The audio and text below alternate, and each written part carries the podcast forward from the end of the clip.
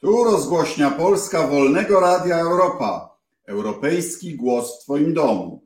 Proszę Państwa, spotkamy się w Wigilię dnia, o którym prezydent Donald Trump powiedział, że y, zostanie zatrzymany, aresztowany. Jutro ma być aresztowany, sam tak powiedział.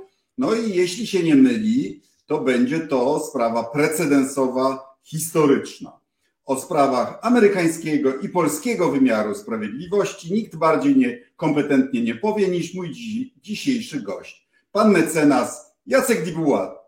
Witam Dzień dobry, witam Państwa, witam Pana. Jacek Dibuła jest pełnomocnikiem prezydentów, premierów, członkiem Trybunału Stanu, autorem książek dla dzieci i prawniczych i celem pełnej jasności także moim pełnomocnikiem. Witam Cię Jacku w programie. Witaj. Trump ma być aresztowany i w Stanach Zjednoczonych toczy się dyskusja, czy go skują kajdankami, czy nie. No, ja to raczej znam z filmów. Jak obstawiasz?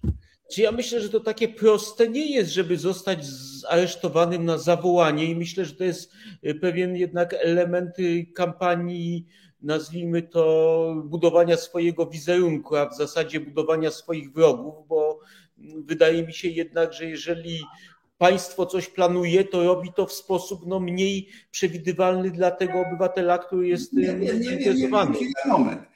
Trump nie ma, nie ma mieć zarzutów federalnych, tylko stanowe, nowojorskie. Jako były prezydent korzysta nadal z ochrony Secret Service. Więc byłoby dość naturalne, żeby Secret Service, który jest służbą federalną, chciał się dogadać z nim, z jego prawnikami, no jak to ma przebiegać, no bo to, to, to, jest, to jest naprawdę precedens. No tak, tylko że zatrzymanie jednak zawsze niesie w sobie pewien element zaskoczenia. Zresztą zatrzymanie no często jest połączone z przeszukaniem na przykład, czyli no ma być pewnego rodzaju niespodzianką dla osoby zatrzymywanej, więc nie sądzę jednak, żeby takie negocjacje były prowadzone i z ochroną, i z samą osobą, która ma być zatrzymana, że być może takie rozmowy były prowadzone z ochroną, no ale y, nie powinien o tym wiedzieć sam zainteresowany, więc ja mimo wszystko y, traktuję to jako pewne działanie medialne, natomiast no, gdyby był dobrym prorokiem, no bo wydaje mi się, że akurat y, prezydent Trump rzeczywiście dokonał pewnych działań, które Y, powinny doprowadzić do jego konfrontacji z wymiarem sprawiedliwości. Nie wiem, czy przez zatrzymanie, czy nie, bo ewentualnych zarzutów nie znam, natomiast no, wszyscy widzieliśmy no, pewne działania, które dla demokracji nie były przyjazne. No, ale mimo wszystko wydaje mi się, że jeżeli rozmawiamy o prezydencie, jeżeli nie rozmawiamy o czynach no, stricte karnych, to raczej nie powinniśmy rozmawiać o y, żadnych kajdankach i raczej Myślę, no właśnie, że. Bo on, y, te zarzuty, za które może ponieść odpowiedzialność, to są zarzuty takie y, y, finansowo-obyczajowe. On spłacił jakąś tam gwiazdkę filmów, filmów porno już w czasie kampanii i nie wiem, czy z funduszy kampanijnych, czy to jest w ogóle zabronione, bo ma wpływ na kampanię i za to może beknąć.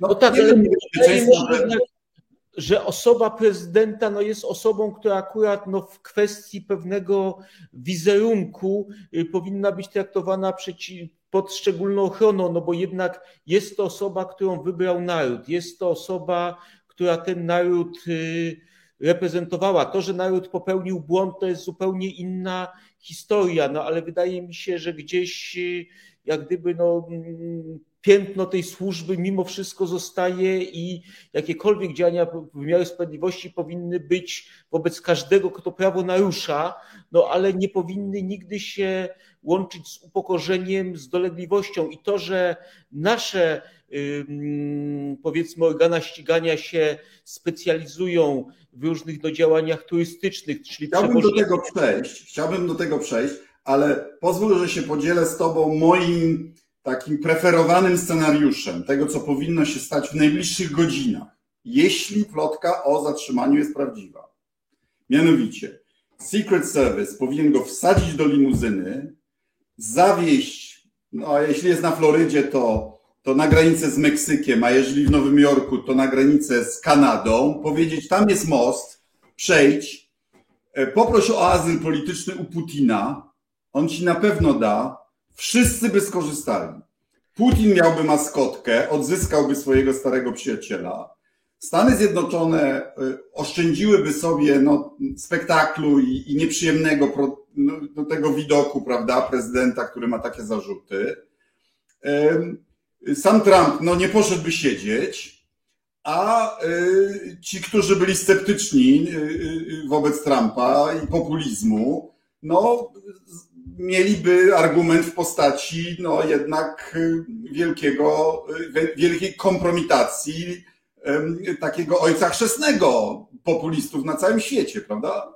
Tak, tylko ty mówisz w wymiarze PR-owskim i z punktu widzenia takiego e, powiedzmy globalnego rozwiązania oczywiście można się doszukać dobrych stron, ale mm, jak gdyby takiego rozwiązania nie może przyjąć państwo, bo e, przynajmniej zgodnie z polskimi przepisami kodeks jest po to, żeby osoba winna poniosła odpowiedzialność, osoba niewinna tej odpowiedzialności nie ponosiła. Więc jeżeli państwo dowiaduje się, że ktoś popełnił czyn, który uważa za zabroniony, no to nie może się pozbywać tej osoby, tylko powinna tą osobę postawić przed sądem. Czyli gdyby tak zrobili funkcjonariusze państwa, no to oni by popadli w konflikt z prawem. Ja bardziej bym widział pewną elegantszą nazwijmy to, rozwiązanie tego, bo po co właśnie tego Trumpa gdzieś wtedy byłoby publicznie, nazwijmy to, y, na oczach kamer zatrzymywać, co właśnie to, co mówiłem na początku, by uderzało w godność państwa, urzędu, natomiast no, można by było właśnie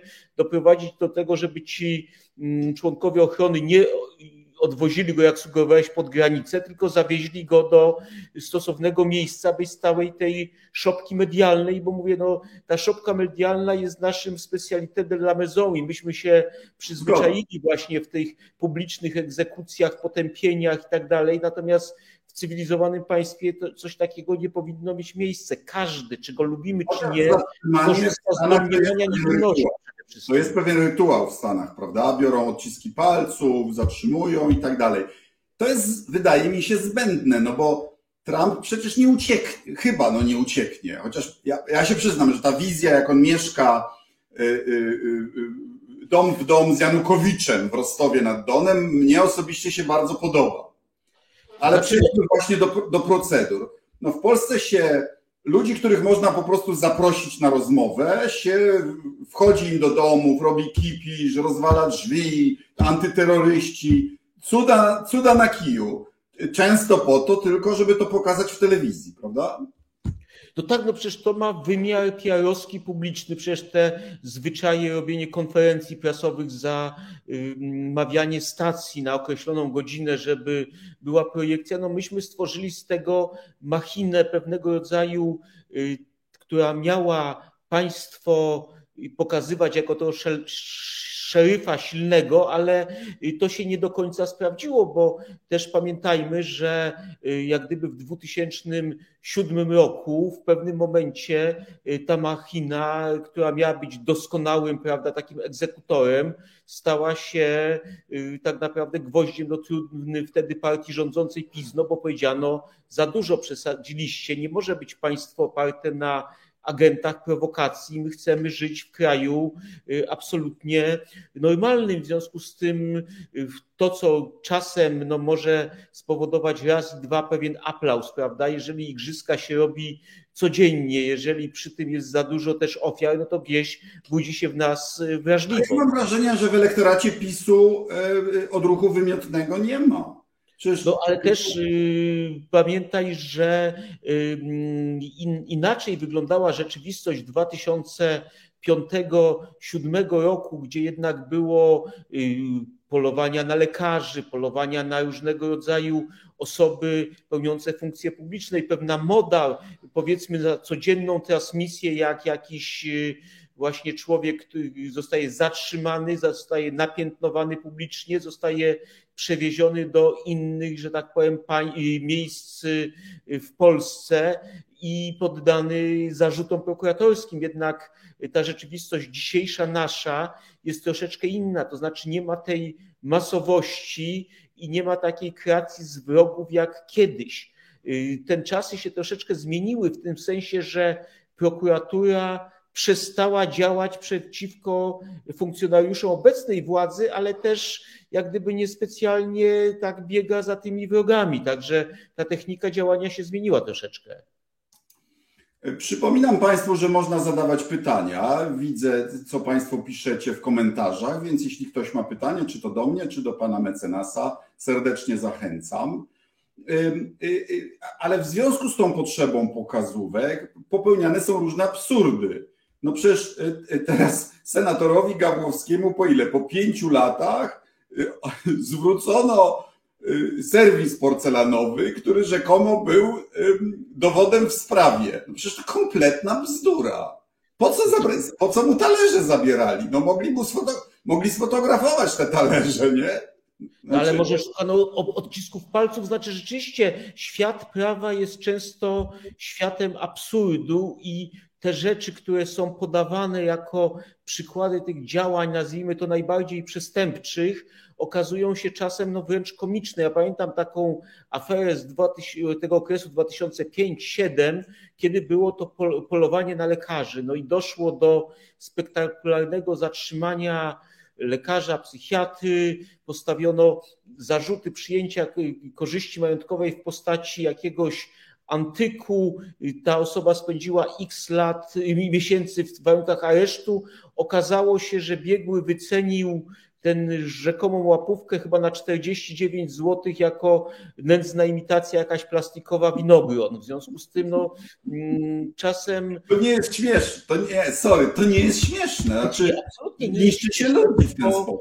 Mm, chodzi chyba o pewne, znaczy zawsze, jeżeli prawo jest wykorzystywane do polityki, to wszystko przestaje być śmieszne. No bo gdyby ta sprawa toczyła się nie w kategoriach politycznych, no to najpierw by ustalono, ile to jest warte, w ogóle by zastanawiano się, czy w ogóle stawiać zarzuty, czy w ogóle stosować jakieś środki. Natomiast no jeżeli y, pokazuje się, znaczy prawo używa się do kreowania y, postaci, która tym wymiarem sprawiedliwości zarządza i pokazanie jego twardości, nieustępliwości, no to mm, w tym momencie no bardziej się dowodzi, że y, ta osoba może mieć zakuty łeb niż doprowadzić do jakichś pozytywnych, że tak powiem, y, sytuacji. No i wydaje mi się, że jesteśmy rzeczywiście na etapie takim, że wymiar sprawiedliwości, mówię o tym wymiarze ścigania, czyli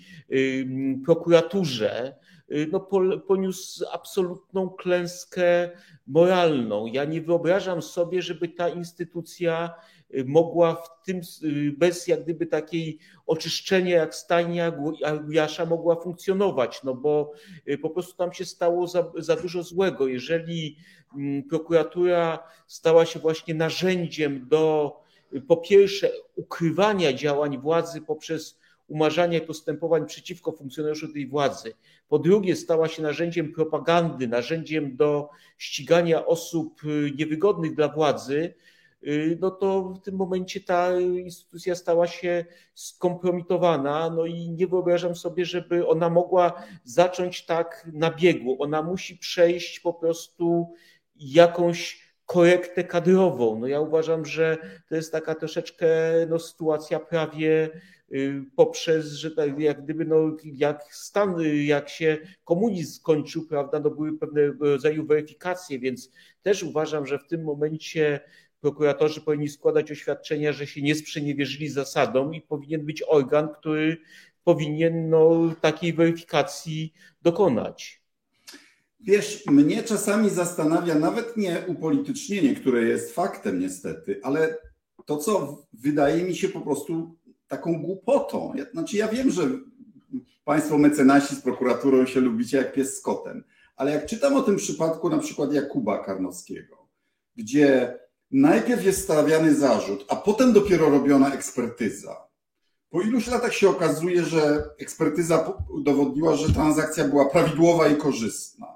I wtedy prokurator nie umie się wycofać z błędu, tylko, tylko wynajduje drugi powód, tym razem ubezpieczenie od y, ryzyk prawnych y, transakcji i stawia kolejne zarzuty za to, że ktoś ubezpieczył transakcję, co wydaje mi się absurdalne. No tak, tylko właśnie no, dochodzimy y, do sytuacji, że y, pewna no, chęć zachowania twarzy, pewna mm, działanie... Ale to jest, nie sprzeniewierzenie się swojego ślubowania. Przecież prokurator nie ślubuje, że będzie dojeżdżał obywateli, tylko że też będzie służył sprawiedliwości, że w swoim sumieniu powinien rozstrzygnąć o cholera, chyba niewinny, to odpuśćmy.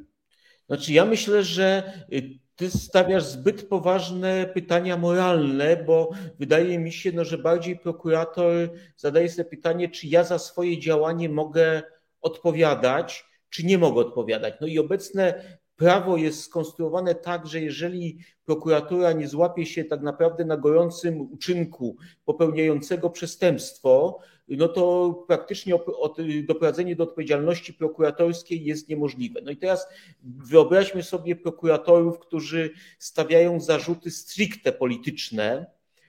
No i żeby takiego prokuratora za to w jakiś sposób pociągnąć do odpowiedzialności, no trzeba by było wykazać jego umyślność działania w zakresie naruszania prawa, prawda? No bo każdy jest, może popełnić pomyłkę, może zinterpretować źle dowody, no to się może łączyć, y, prawda, z jakąś odpowiedzialnością dyscyplinarną, z, nawet z wydaleniem ze służby, ale nie z odpowiedzialnością w tym momencie karną, żeby kogoś skazać za przekroczenie uprawnień, no trzeba tak naprawdę dowieść jego mm, umyślności działania. Ja uważam, że jak gdyby stworzyliśmy pewną kastę bezprawnie ludzi, którzy mogą naruszać prawo, nie są poddawani odpowiedzialności i nie są poddawani kontroli, no bo y, przecież znamy doskonale tą mm, instytucję tak zwanego trzymania człowieka w zamrażarce, czyli stawia się komuś zarzut, nic się w sprawie nie robi, on nie dostanie wizy do Stanów, bo ma zarzuty, nie może przyjąć jakiejś funkcji, bo ma zarzuty, w związku z tym można go niszczyć medialnie. No i teraz sobie ktoś w tym stanie z hibernacji jest 5-6 lat. Na to. Na tortury przecież. No tak, ale na to byłby bardzo prosty pomysł, czyli wyobraźmy sobie, prokurator chce komuś postawić zarzut. I ten ktoś ma prawo na to się zażalić do sądu.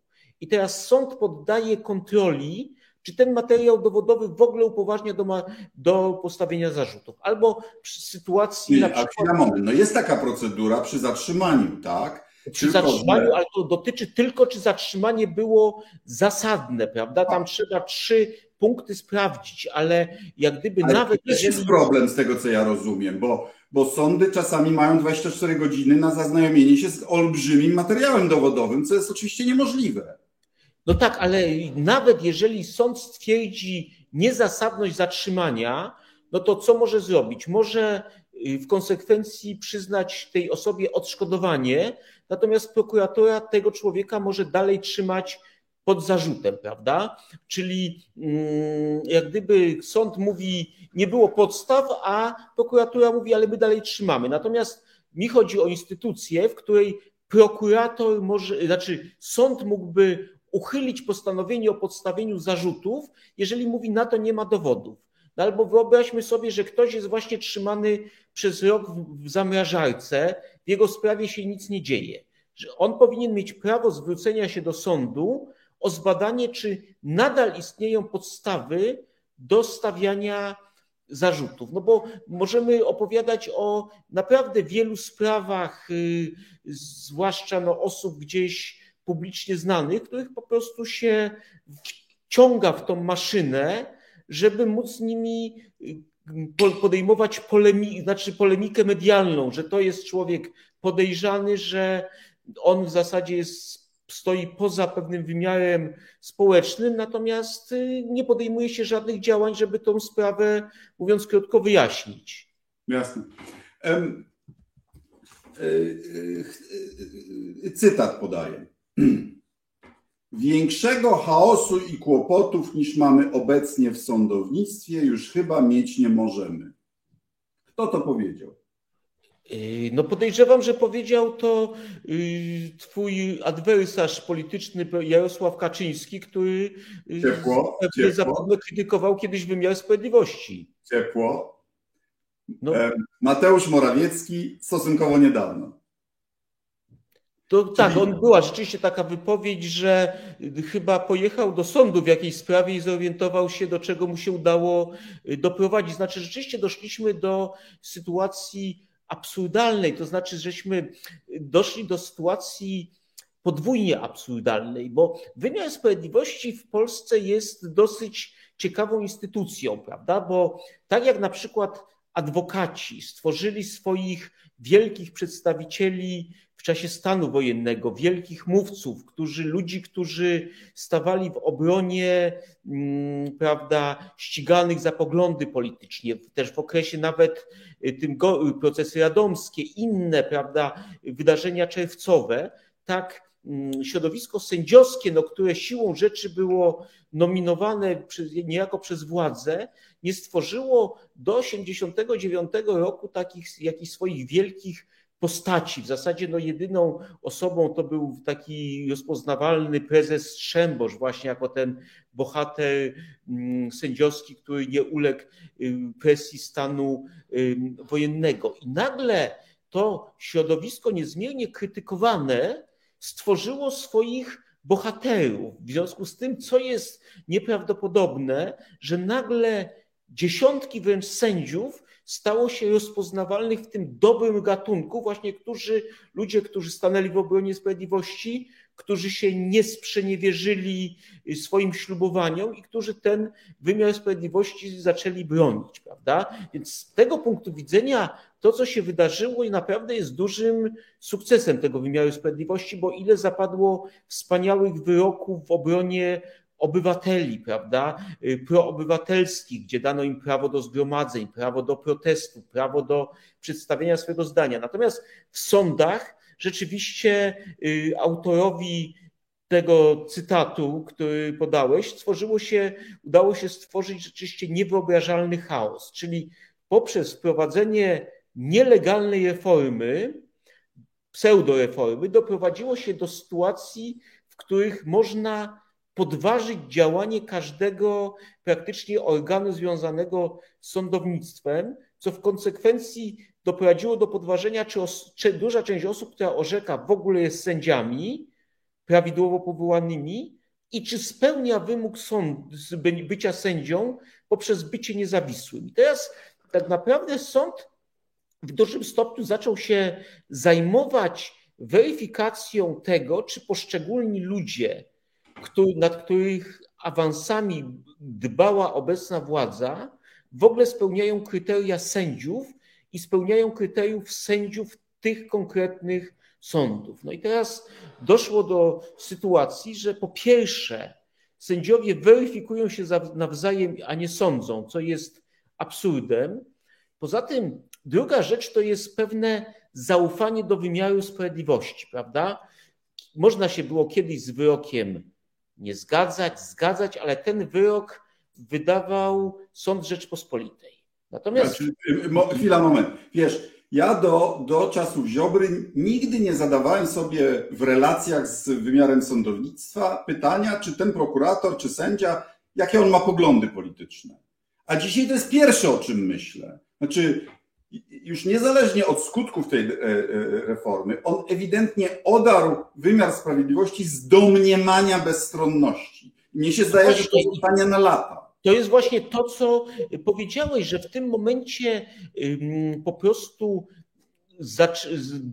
stworzono pewne przekonanie, że polityka góruje nad wymiarem sprawiedliwości i teraz orzeczenie przez konkretnego sędziego jest od razu podważane i przez, kontestowane przez y, sędziów innych. Czyli jeżeli ten sędzia wcześniej wydawał wyroki, powiedzmy, proobywatelskie, no to spuszczane są na niego media, które mają go zniszczyć, podważyć jego wiarygodność.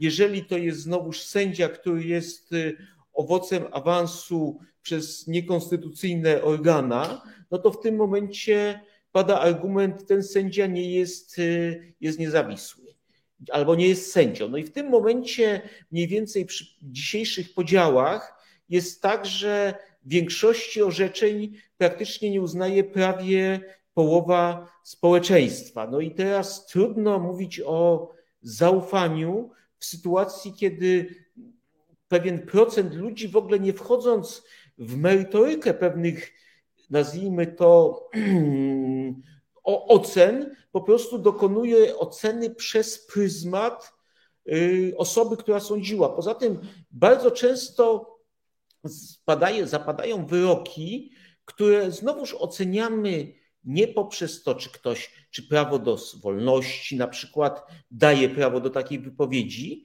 tylko przeciwko komu ten wyrok był skierowany. I teraz na przykład dla mnie takim orzeczeniem no było, znaczy taką sprawą była no ta głośna wypowiedź Barbary Kurdej-Szatan, która skrytykowała, co się stało na granicy. No i oczywiście państwo i wyznawcy państwa się na nią rzucili. Natomiast ja uważam, że tu trzeba byłoby w ogóle zadać inne pytanie, bo to nie chodzi o to, po której była stronie, tylko w jakim zakresie obywatel ma prawo do krytyki organów państwa. I wydaje mi się, że zresztą nie tylko mi się wydaje, bo zapadło prawomocne orzeczenie, że ona miała ta, powiedzieć w ten sposób, dokonać takiej oceny, która nawet była surowa, ale nie dlatego, że ja się absolutnie zgadzam z tym, co ona powiedziała, tylko dlatego, bo każdy obywatel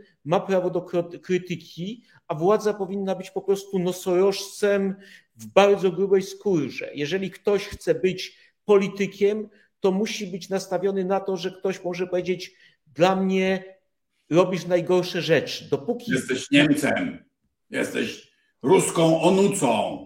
Jednocześnie. jednocześnie. Dopóki albo go nie obrazi, w sensie już nie użyje pewnego wulgaryzmu, albo mu nie zarzuci rzeczy, które są weryfikowalne w kategoriach prawda, fałsz, no to ta krytyka może iść bardzo daleko, aczkolwiek tak. ja no, uważam, że ona ma pewne granice, prawda, no bo właśnie już wchodzenie mm, w pryzmaty, kim jesteś narodowościowo, według mnie jest przekroczeniem dobrego smaku i wydaje mi się, że też na fali tej wolności doprowadziliśmy do mm, pewnego orzecznictwa, które, no mówiąc krótko, pozwala robić z nas dzikusów, to znaczy mamy pewne poczucie bezkarności, bo jeżeli nie użyjemy słów wulgarnych, to w zasadzie możemy mówić, co nam na język przyniesie i powiedzieć w ten sposób. To nie odnosiło się do faktów, to jest moja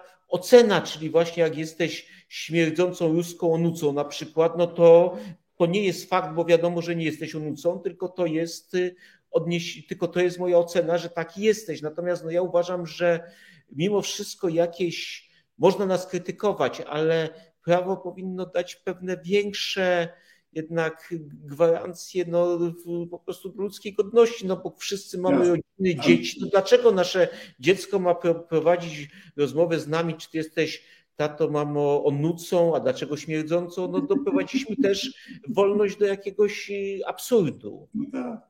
Z twojej praktyki karnej w dziesiątkach sądów, y, czy uważasz, że w Polsce funkcjonuje domniemanie niewinności? Tak naprawdę i czy to, co jest w teorii, to znaczy, że wszelkie wątpliwości powinny być rozstrzygane na korzyść oskarżonego. Czy to tak naprawdę jest? Bo ja rozumiem, że taki powinien być standard w prawie karnym, tak? A w prawie cywilnym, no to to, co anglosasi nazywają balance of probability, tak? Czyli prawdopodobieństwo. Ale ja mam wrażenie, że u nas to jest przesunięte że w sprawach karnych raczej wyroki zapadają na podstawie e, e, e, prawdopodobieństwa, a nie beyond reasonable doubt. To znaczy, ja ci powiem, że mówienie w ten sposób, czy coś u nas obowiązuje, czy nie, jest, bym powiedział, że nie obowiązuje, to byłoby obraźliwe dla kilku, czy kilkunastu, czy kilkuset sędziów, którzy tą zasadę stosują. Więc y, jak gdyby no takie ogólnienie jest y, strasznie może być niesprawiedliwe. Ja bym y, bardziej. Ale, ale czy, czy, czy w kulturze sędzi orzekania jest coś takiego? Mam wrażenie, że domniemanie winy osoby wskazanej prokurat przez prokuratura jest bardzo, że tak powiem, w dużym elemencie walki obecnie z zasadą domniemania niewinności, która jest zasadą y, kodeksową i y, no, często patrząc na wyrok skazujący, ja zadaję sobie pytanie, w jaki sposób w umyśle osoby orzekającej mogło być do takiej, dojść do takiej konkluzji. Bo na czym polega praca sędziego? To znaczy, to polega na tym, że każde zdarzenie może mieć kilka wersji wydarzeń, prawda? I teraz domniemanie, dojście do tego, że ktoś jest winny, to jest zadanie sobie pytania, jakie były możliwe wersje zdarzeń. Czy jest alternatywa, która tłumaczy te okoliczności bez winy podsądnej? Teraz tak? następne elementy to są eliminacyjne. I teraz, jeżeli poprzez dowody, które są w sprawie, uda się wyeliminować wszystkie te, jak gdyby, kontrteorie i zostaje tylko jedna, no to jest sprawa jasna. Natomiast jeżeli zostają na przykład dwie teorie, których nie można wyeliminować, no to w tym momencie jak gdyby zawsze zadaniem sądu jest przyjęcie tego rozwiązania korzystniejszego dla oskarżonego. I teraz znowuż dochodzimy do wniosku, co to są teorie prawdopodobne, prawda? No bo zawsze możemy postawić teorię, że pojawili się kosmici i oni to zrobili. No ale nazwijmy to, to jest teoria nieprawdopodobna. No ale jest wtedy doktryna rozsądnego człowieka, czy rozsądny człowiek uwierzy w coś takiego, prawda? No więc mniej więcej, no bo zawsze jest tak, że powiedzmy jest bezludna wyspa, na wyspie jest dwóch ludzi, jeden jest zdrowym mężczyzną, drugi jest mężczyzną bez rąk i bez nóg. I dajmy na to, jest trzeci człowiek, który zostaje zamordowany poprzez uderzenie nożem, prawda? No więc y, oczywiście możemy założyć, że ten y, bez rąk, bez nóg y, wbił trzymany nóż w zębach i tak dalej, no ale mm, raczej ta teoria by się nie trzymała prawda, tego sprawdzianu. No można przyjąć teorię, że pojawiły się osoby powiedzmy nieznane. No i teraz wszystko zależy od sytuacji, no bo jeżeli na przykład ta wyspa była pod monitoringiem i nikogo nie widać, no to można taką sytuację wykluczyć. No i teraz y, powiedzmy każda sprawa no, ma jakiś element powiedzmy, że no mogło wydarzyć się inaczej, no ale właśnie to jest tego jakaś teoria no, jak gdyby rozsądnego prawdopodobieństwa poprzez eliminowanie tych y, teorii zupełnie nieprawdopodobnych.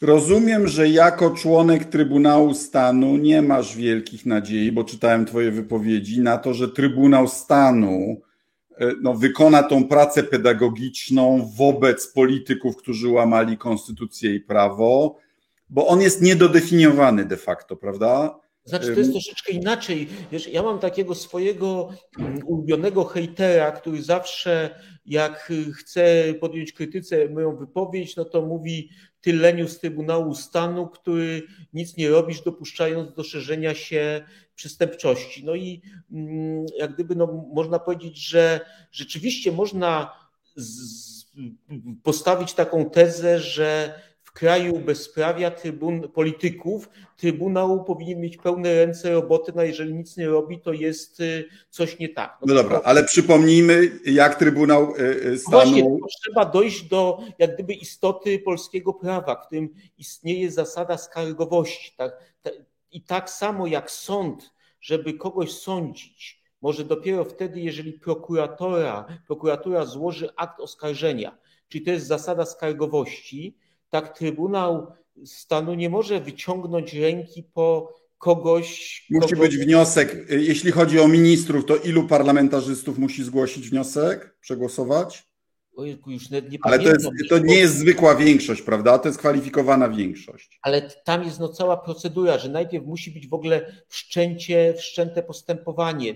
To musi trafić do komisji. Komisja musi zaopiniować. Sąd musi, yy, znaczy Sejm musi podjąć decyzję, potem musi sporządzić akt oskarżenia, potem musi wskazać oskarżycieli. Ja pamiętam, że w którejś kadencji mieliśmy sytuację, że już było blisko, bo mieliśmy oskarżonego, który okazał się potem, y, że tak powiem, nie, gdzie umorzono postępowanie, ale chodziło o pewne rozliczenie się, no bo Trybunał dostał tego, tą jedną osobę, którą miał osądzić. No i co się wydarzyło przez chyba cztery lata kadencji? Sejm nie był w stanie wskazać oskarżycieli, czyli mieliśmy błąd formalny. W związku z tym y, no, mm, Trybunał Stanu stał się taką troszeczkę y, wydmuszką, gdzie zasiada sobie ileś osób, y, mają piękny szyld, gdzieś piękną tradycję, ale nic poza tym, no bo pamiętaj, że to jest instytucja, która powstała w między, dwudziestoleciu międzywojennym. Przez 20, leciu międzywojennym minister Czechowicz był jedyny, który za brak tam dyscypliny finansowej został przed tym Trybunałem postawiony. No później mieliśmy my w latach 90. tą aferę paliwową, gdzie doszło rzeczywiście do jakichś rozstrzygnięć, no i potem jakieś no, sytuacje zupełnie epizodyczne. Żadna poważna tak naprawdę sprawa nie była rozpatrywana i nie z winy Trybunału, tylko z różnych powodów leżących po stronie polityków. No i teraz, jeżeli nie zmieni się ustawa o Trybunale, to będzie to martwa instytucja. Nie, bo idea Trybunału była taka, że politycy za delikty polityczne jako ministrowie powinni odpowiadać przed Trybunałem, ale praktyka się utarła, że nie żaden Trybunał, tylko, tylko prawo karne, prawda? To znaczy, no, prokuratura jest dużo bardziej zdecydowana, natomiast y, powiedzmy nie tylko ministrowie, bo ustawa wskazuje grono osób, które mogą odpowiadać przez Trybunałem. Na przykład, y, jeżeli chodzi o prezydenta czy byłego prezydenta, on może tylko przed Trybunałem, czyli na przykład prezydent nie może być w ogóle ścigany przez prokuraturę, on może stanąć tylko przed Trybunałem Stanu. Mogą też posłowie, ale tylko w sprawach jak gdyby wskazanych y, w ustawie, czyli dotyczącym naruszeń y, artykułu 107 Konstytucji, więc jak gdyby no, Trybunał Stanu jest delegowany do tej odpowiedzialności polityczno-urzędniczej, nazwijmy no, a posłowie, to. którzy uchwalali prawo, które jest niezgodne z konstytucją, ewidentnie, tak jak prawo o neo-KRS.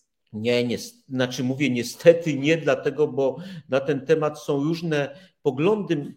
Ja byłem konsultantem, wiesz, takiego przedstawienia dotyczącego sytuacji na granicy i tam Michał Zadara stawiał pytanie, kto jest odpowiedzialny za śmierć jednego z uchodźców, który po prostu na tej granicy ginie. I jak gdyby zadawał pytania, kto ma za to odpowiedzieć? Jednym z pytań było, czy, ponieważ tam w grę wchodziły prawda, te słynne pushbacki, czyli y, jak gdyby wprowadzenia do, jako legalne działania, które jak gdyby zgodnie z ustawodawstwem Unii Europejskiej jest wykluczone. No i teraz powstało pytanie, które myśmy sobie zadawali, czy parlamentarzysta świadomie wprowadzając złe prawo, niezgodne z konstytucją, może za to odpowiedzieć. I y, niestety orzecznictwo idzie w tym kierunku, że poseł jako członek organu kolegialnego nie ponosi odpowiedzialności za to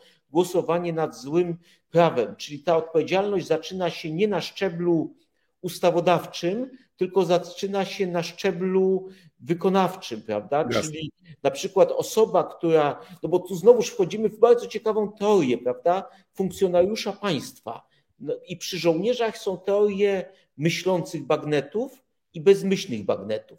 Myślący bagnet to jest taki żołnierz, który nie może wykonać rozkazu, jeżeli on wie, że, to, że ten rozkaz jest y, niezgodny z prawem. Bezmyślny bagnet wykonuje rozkaz w żaden sposób go nie kontestując. U nas są te myślące bagnety, czyli w tym momencie funkcjonariusz państwa, jeżeli dostaje narzędzie w postaci prawa niezgodnego z konstytucją, powinien odmówić jego wykonania, więc wchodzimy w sferę jak gdyby sytuacji, że y, powinien odpowiadać, jeżeli by świadomie wykonywał bezprawne prawo. No ale z drugiej strony sąd może powiedzieć, ja zawieszam postępowanie do czasu, jak rozstrzygnie to Trybunał Konstytucyjny, ale nie mając Trybunału no. Konstytucyjnego jako rzeczywistej jak gdyby wartości intelektualnej, no nie możemy doprowadzić do dokonywania tego typu ocen. Stąd pojawiła się teoria tej kontroli rozproszonej konstytucyjnej, czyli że każdy sąd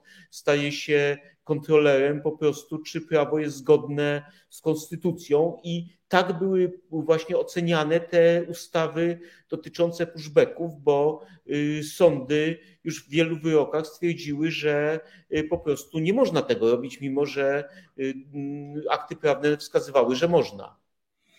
Okej. Okay. Zmierzając ku konkluzji, spytam Cię tak na rybkę. Wedle Twojego osądu, czy za które z, z, z działań, o których wspomnę, Y, będzie odpowiedzialność karna, a za które nie. Niepublikowanie y, orzeczeń Trybunału Konstytucyjnego na początku pierwszej kadencji PiSu. Będzie odpowiedzialność czy nie? Radku, no rzeczywiście dobrze ująłeś, że robisz to na rybkę, tylko zapomniej, że jestem członkiem Trybunału Stanu. W związku z tym, jeżeli bym dokonał jakiejkolwiek przed, przedsądu w którejś sprawie, która przed tym Trybunałem może stanąć. Okej, okay, okay, zwalniam z odpowiedzi. E, y, wprowadzanie w błąd, y, czy nawet wyłudzanie zgód na zakładanie Pegasusa.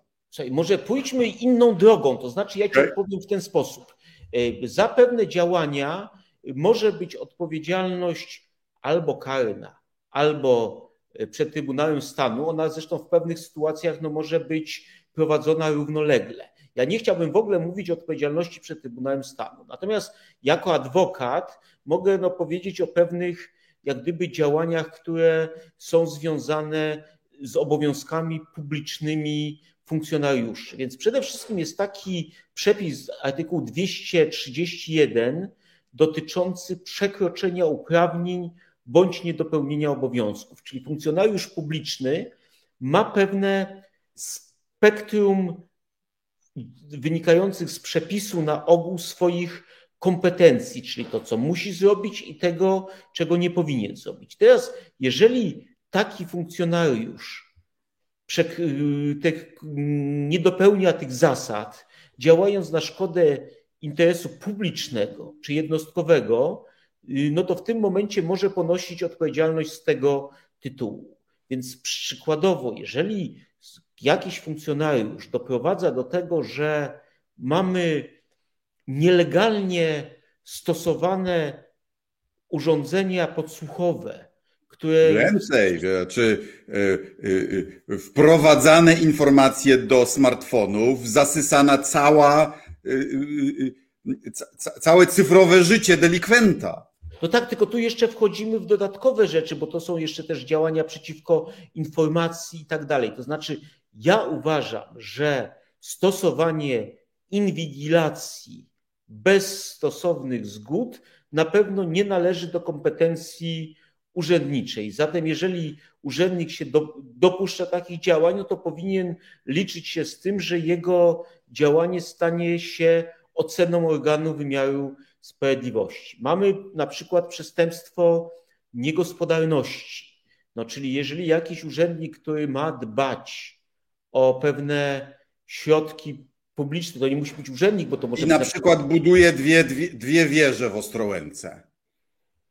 No, zostawmy Ostrołękę, bo ja jestem tam obrońcą, więc znowuż mam jakiś element, prawda, który nie, gdzie nie mogę oceniać, ale mm, jeżeli funkcjonariusz y, czy członek na przykład władz spółki dokonuje pewnych nieuzasadnionych zakupów, zbyt drogich zakupów, dokonuje rozporządzenia majątkiem spółki w sposób no, sprzeczny z zasadami racjonalnego gospodarza, no to mamy do czynienia z sytuacją, kiedy w grę wchodzi ewentualnie podejrzenie o niegospodarność. No, czyli to, co się dzieje w ostatnich czasach, nie tylko w ostatnich, bo dość długo w Polsce, no wydaje mi się, że jak gdyby na pewno powinno być weryfikowane. Przede wszystkim, czy szanowano publiczny majątek, bo już nawet nie mówię no już o sytuacjach ewidentnych, czyli przywłaszczenia mienia, czy zwykłej kradzieży, ale mówię o sytuacjach, kiedy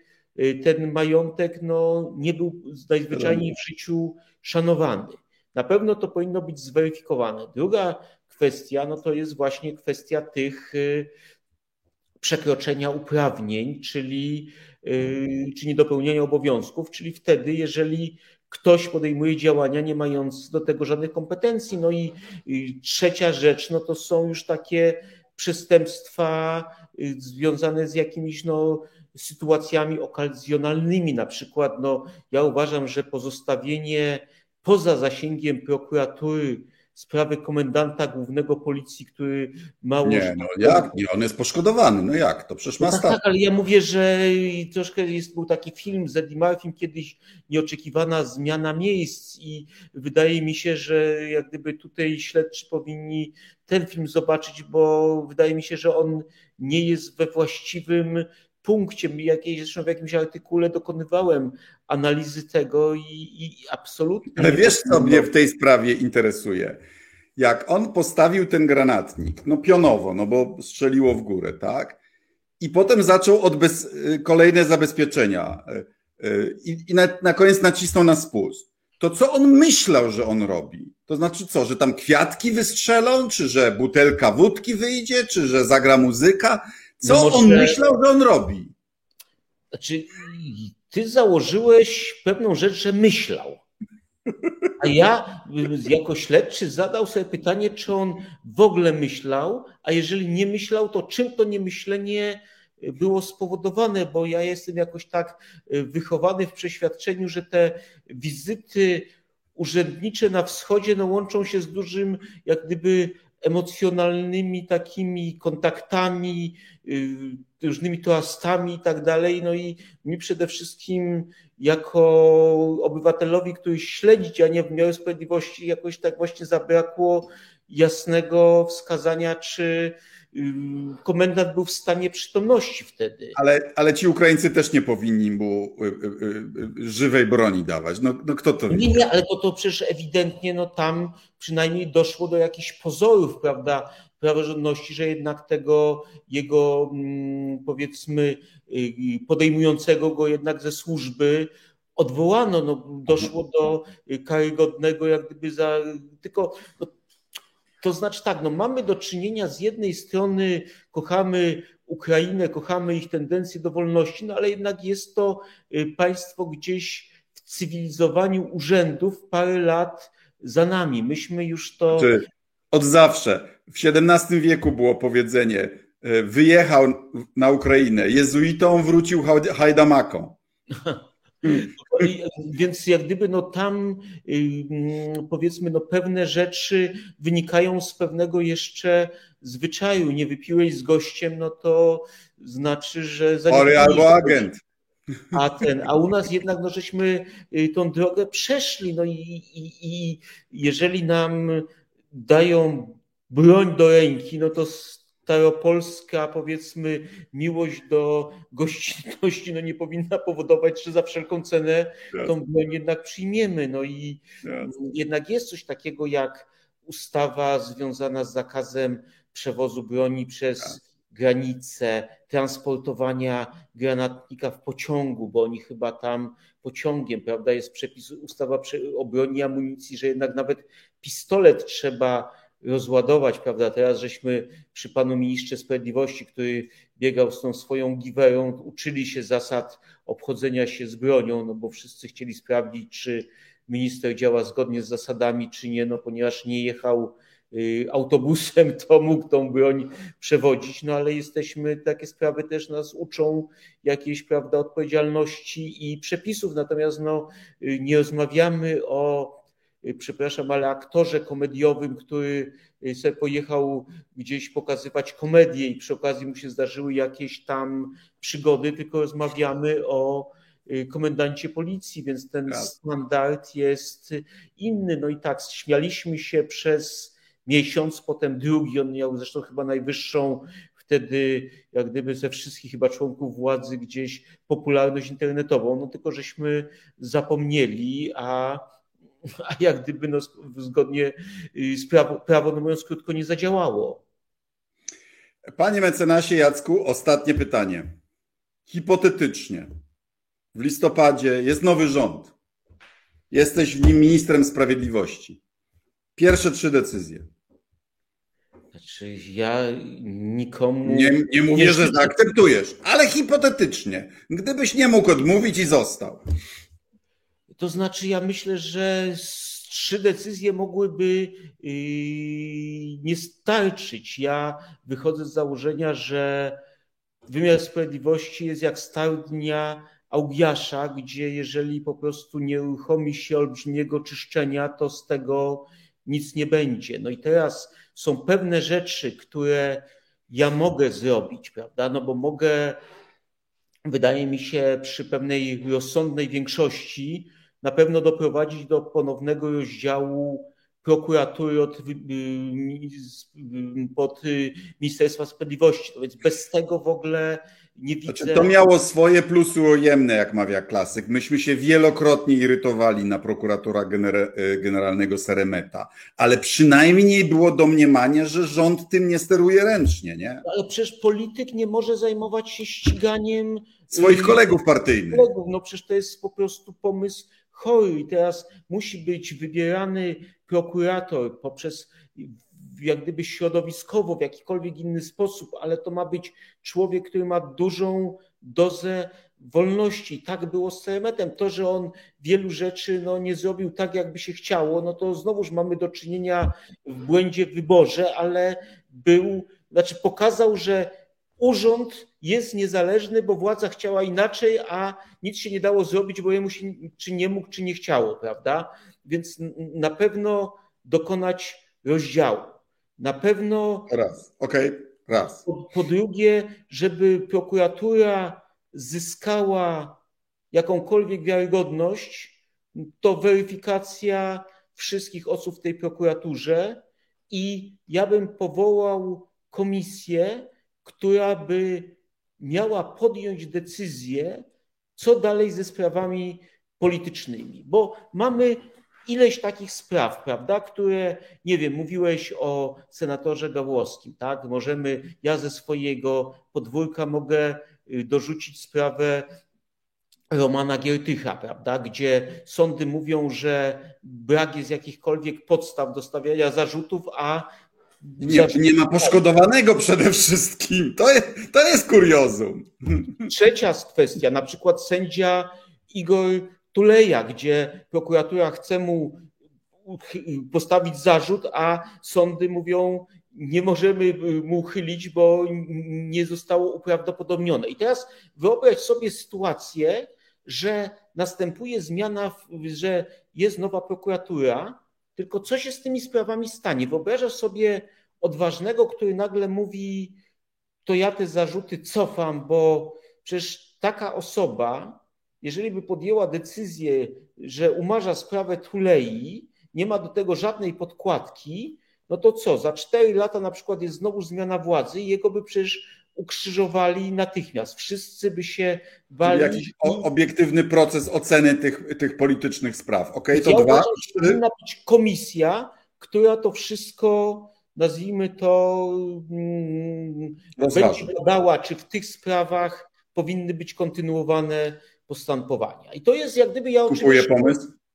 To jest to, co jest blisko mojemu sercu, no bo ja jestem karnikiem. Natomiast kolejna rzecz to jest, nie uda się funkcjonować, jeżeli wymiar sprawiedliwości, czyli sądy, nie wrócą do normalności, czyli nie, da, nie odzyskają zaufania i przestaniemy się zajmować tym, kto jest sędzią. Tylko problem polega na tym, że to nie jest na poziomie ministra sprawiedliwości, tylko to jest na poziomie parlamentarnym. To znaczy, ja uważam tak, że KRS jest nielegalny, on powinien przestać funkcjonować, powinien być Trzeba albo powołać nowy zgodny z konstytucją. Przed przerywaniem kadencji albo powinien być y, powołany w sposób apolityczny na nowo. I to jest jak gdyby kwestia pierwsza. Druga rzecz to jest, co zrobić z tymi sędziami, bo przecież wśród tych, którzy są, zyskali przez te 7 lat nominacje, są naprawdę bardzo merytoryczne, często bardzo porządne osoby, które sobie na to